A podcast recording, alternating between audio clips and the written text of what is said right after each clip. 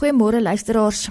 As ons vandag na die laaste E kyk van die woord vrede in Efesiërs 2 vers 14 wat sê hy is ons vrede. Nou as ons nou saam dink oor die woord vrede en wat mens alles daaruit kan leer en waarmee die Here ons wil aanraak. As hy dan nou ons vrede is, met ander woorde, as vrede eintlik 'n persoon is en nie noodwendig 'n bepaalde situasie in jou lewe nie, dan kan ons sê hierdie laaste E van die woord vrede staan vir ek is.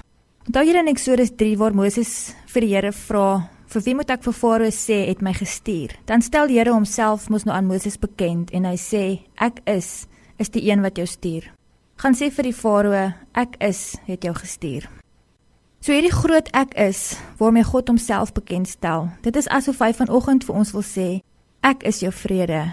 Ek is die groot ek is." Ek kies nou om in jou menswees te lewe en om myself deur jou menswees bekend te maak. Of dit nou met jou goed gaan en of dit met jou sleg gaan, dit is nie vir my die bepalende faktor nie.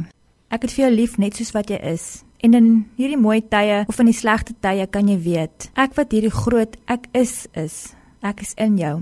Nou wat beteken hierdie woorde as hy sê ek is? As hy sê ek is, dan beteken dit vir my hy sê hy bestaan. Glo jy dit weer dat God bestaan? Of miskien moet ons ver oggend van mekaar vra, glo jy nog dat God bestaan? Is daar nie situasies in jou lewe of krisisse in jou lewe of dalk gebede wat nie beantwoord is soos wat jy dit graag wou hê of situasies wat nie verander het soos wat jy wou gehad het dit moet verander nie. En jy vra dalk vir jouself, bestaan God regtig? En as hy bestaan, gee hy regtig vir my om? Vanmôre sê hy vir jou, ek is en ek bestaan en ek gaan myself aan jou bekend maak. Ek gaan jou vashou en ek gaan jou dra. Ek gaan jou verras op maniere wat jy dit die minste verwag.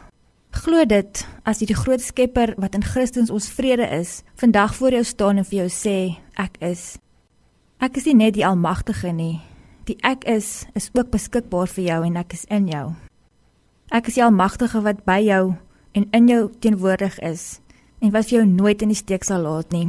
Glo dit en vat dit en begin weer van voor af droom en begin weer van voor af leef en begin weer van voor af sy vrede geniet. Hemelse Vader, dankie dat U in Christus na my toe kom, na ons toe kom en dat U ons vrede is. Dra vir ons asseblief en sorg vir ons soos U alleen dit kan doen. Maak U self bekend soos U alleen dit kan doen. Amen.